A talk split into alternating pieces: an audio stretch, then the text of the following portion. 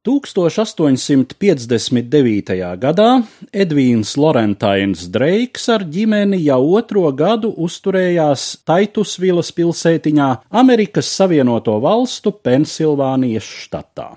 Firmas Seneca Oil prezidents James Townsends bija nolīdzis Dreiku, lai tas izpētītu naftas ieguves iespējas šajā apkārtnē.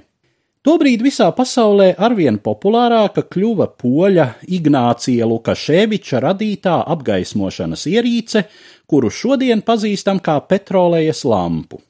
Par degvielu šai lampai kalpoja šķidrums, kuru ieguva no vaļa taukiem, un jau tad bija skaidrs, ka pasaules lielāko zīdītāju populācija nekādi nevarēs nodrošināt visu jauno lampu lietotāju vajadzības. Nafta izrādījās meklētā alternatīva, taču nevienam tobrīd nebija skaidrs, kā šo īpatnējo šķidrumu pietiekamā daudzumā dabūt zemes virspusē. Sākotnēji tas nebija skaidrs arī Edvīnam Dreikam.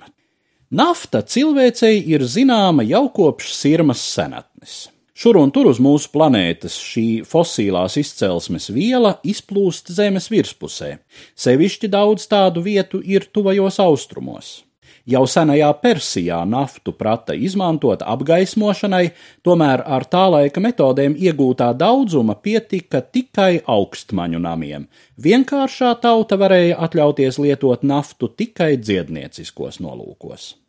Mūsu ēras pirmajos gadsimtos naftu jau pazina arī tās vēlākajos ieguves rajonos tagadējās Rumānijas un Azerbaidžānas teritorijā, un arī Ķīnā, kur, cik var noprast, degošo šķidrumu pirmo reizi izmantoja industriālos apmēros. Te pastāvēja arī pirmie primitīvie naftas urbumi, kuros lietoja bambusa stumbru caurules. Tāpat pa bambusa caurulēm naftu nogādāja uz sāls ieguves vietām. Tur to dedzināja, lai iztvaicētu dabīgo sālsūdeni un tā tiktu pie sāls. Edvīnam Dreikam visdrīzāk nebija ne jausmas par seno ķīniešu naftas ieguves tehnoloģiju.